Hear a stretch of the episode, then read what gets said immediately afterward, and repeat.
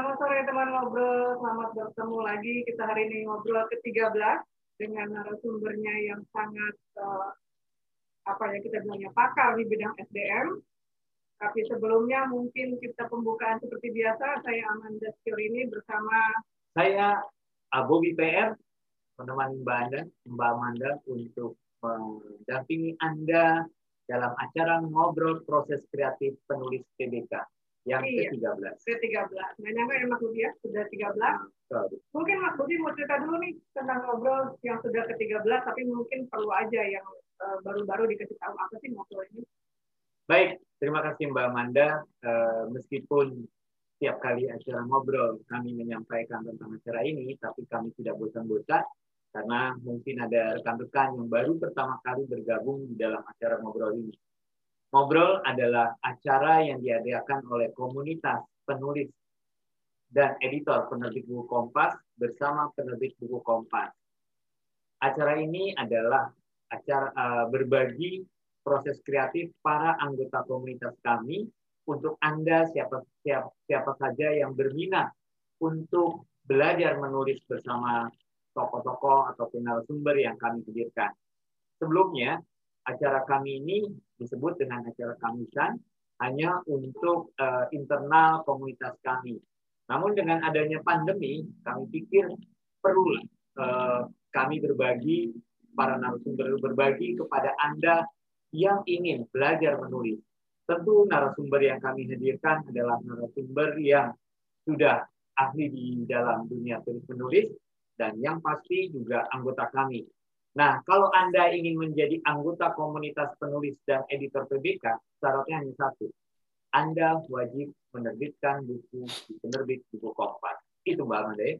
Ya, betul sekali. Jadi, uh, dan kita juga bikin acara ini pakai acara pen, itu loh mas, penanya kamu oh, dari iya. mahasiswa dan teman-teman SMA supaya apa mas? Supaya kita juga uh, bisa melakukan kaderisasi ataupun memotivasi para kaum muda untuk menulis dan mengikuti jejak para narasumber yang kita tampilkan dengan karya-karya mereka.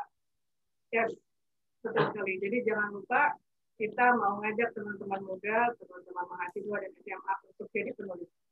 Ada keuntungan ya kan, Mbak? Kalau kita, kalau mereka jadi penanya tamu kan?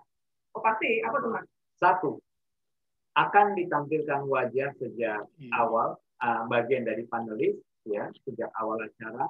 Yang kedua, Anda dapat kesempatan bertanya lebih awal dibandingkan petanya-penanya lain yang di Zoom maupun di YouTube. Dan yang ketiga, mendapatkan hadiah oh, dari penting. Penting itu pendek keriting, Mbak. Nah, ikut-ikut. Nggak ikut-ikut. Oke, okay, okay. baik. Sudah 56 di apa namanya di Zoom. Selamat bergabung semuanya. Mungkin sekarang saatnya kita mendengarkan sambutan dari Mastra. Mastra ini adalah uh, apa kita bilangnya? Pelindung, penasehat. Eh, cuma ingatnya penyandang dana. Soalnya. Penyandang dana. Ya. Oke, okay, Mastra ini adalah uh, apa namanya supporter kami yang paling besar. Besar apanya? Nah, supporter apa reporter? Dulu sih reporter, Mbak.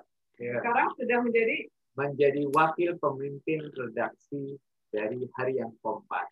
Oke, silakan Mas Pra memberikan kata sambutannya. Semoga sudah sehat sekarang ya Mas. Sehat nih saya. Iya, terima kasih Mbak Amanda, Mas Bobi. Ya, saya saya supporter lah, ah. supporter eh, untuk. Tapi saya juga anggota komunitas loh. Oke, saya iya kan editor di editor di PBK juga, jadi ya saya sebenarnya sih lebih lebih tepatnya sebagai anggota lah, anggota.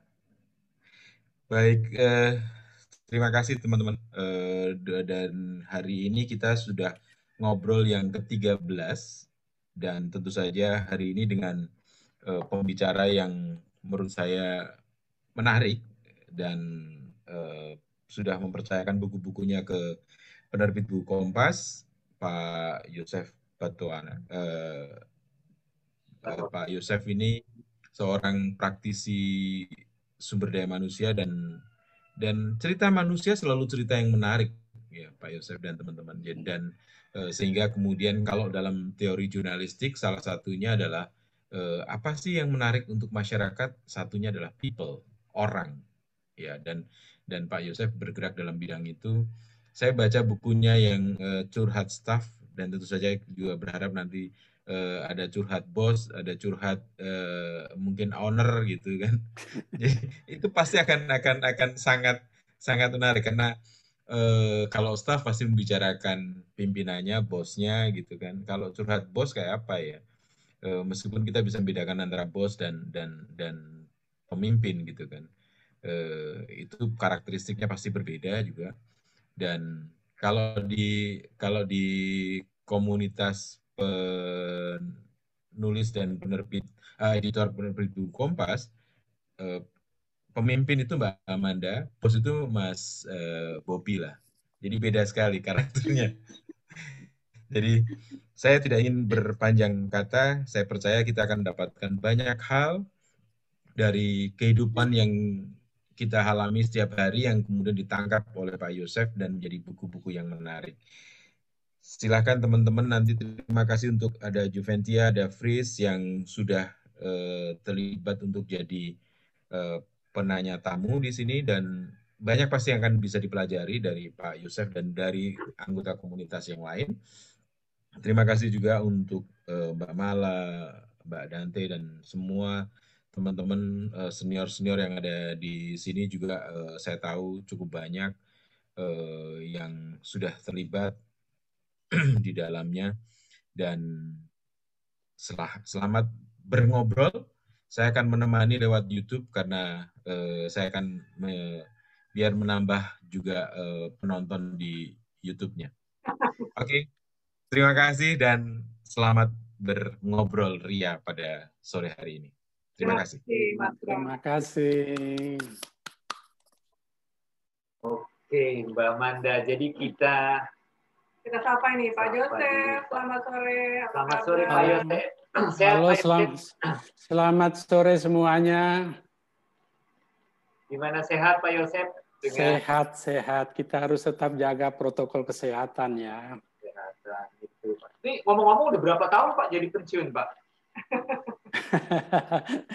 saya udah 10 tahun, 10 tahun melewati usia pensiun. Usia pensiun 10 tahun. Tapi kelihatan sehat juga Pak ya? Iya. Yeah. Olahraganya apa nih Pak Yosef?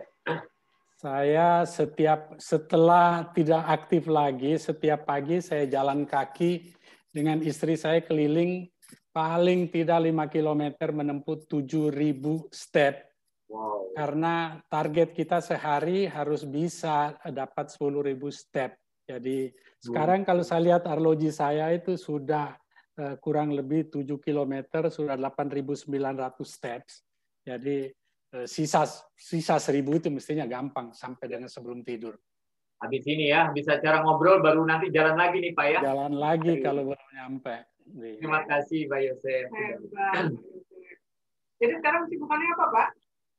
Sekarang untuk sosial media tetap tetap aktif. Setiap pagi selama jam setelah hari kerja Senin sampai Jumat, menjelang jam 6 sebelum jalan pagi, saya selalu postingin tiga inspirational quotes di hmm. Twitter, LinkedIn, dan Facebook.